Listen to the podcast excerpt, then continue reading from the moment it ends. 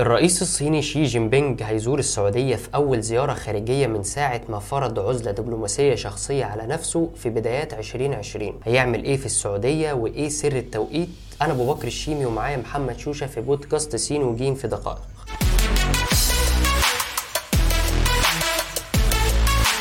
إيه اللي نعرفه عن الزيارة؟ الحقيقة إن جدول الأعمال مش معلن والزيارة نفسها يا دوب لسه عنها شوية تسريبات لكن قادرين نعرف إن شي هيزور الرياض وجدة والأهم مدينة نيوم. هيكون فيه كمان توقيع لاتفاقيات في الاقتصاد وأمن الطاقة والغذاء والعلوم بين قوسين والتعاون العسكري. واحتمال يكون فيه كلام عن إحلال اليوان مكان الدولار كعملة لتداول النفط بين البلدين. طيب بخلاف الحديث الانشائي المعتاد هل للزياره أي أهمية عملية؟ هنحتاج هنا نشاور على علامتين مهمين. واحدة من الصين إن دي أول زيارة خارجية للرئيس الصيني بعد سنتين من العزلة الدبلوماسية الشخصية اللي فرضها على نفسه من يناير 2020 زي ما قلنا ومن وقتها ما طلعش ابدا بره بكين. الثانية من السعودية إنها هتحصل بعد شهر من استقبال الرئيس الأمريكي جو بايدن اللي بيتوصف بالمتوتر في جدة واللي ولي العهد محمد بن سلمان ما استقبلوش خلالها في المطار. واكتفى باستقباله في القصر اللي استضاف الاجتماع بقبضه يد اتوصفت بالمحرجة. أنت كده بتكلمني عن مظاهر. فين الأهمية العملية برضو؟ اولا المظاهر هنا مهمة لأن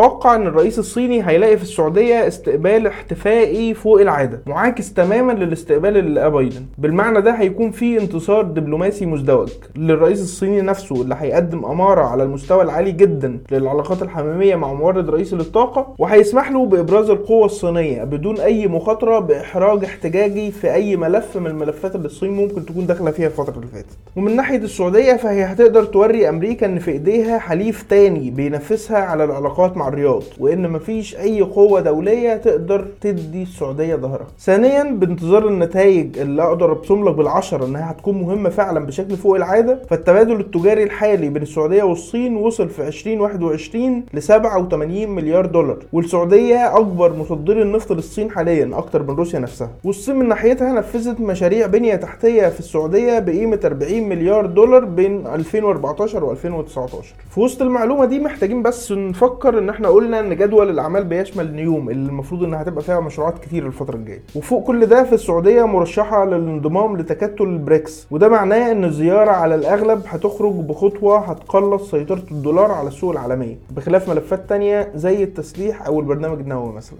طيب هو هل استبدال اليوان بالدولار منطقي أصلا؟ الحقيقة الموضوع ده فيه خلاف كبير. في خبراء محليين بيقولوا إن بيع النفط باليوان مفروض إنه غير منطقي لكن بوليتيكو بتقول إن الزيارة هيكون فيها على استبدال الدولار باليوان في بعض مبيعات النفط. بعض هنا مهم. وإن كانت الصحيفة شككت في مدى تأثير الخطوة على هيمنة الدولار الأمريكي في سوق النفط العالمية وفي مدى موثوقية البديل في تقديم عائدات يمكن التنبؤ بها للرياض ففي كلام معاكس تماما بيقول إن لو السعودية عملت الخطوة دي فعلا فهي هتفتح باب غالبا مش هيتقفل. يمكن ينتهي بإزاحة الدولار فعلا. شكرا جدا يا محمد.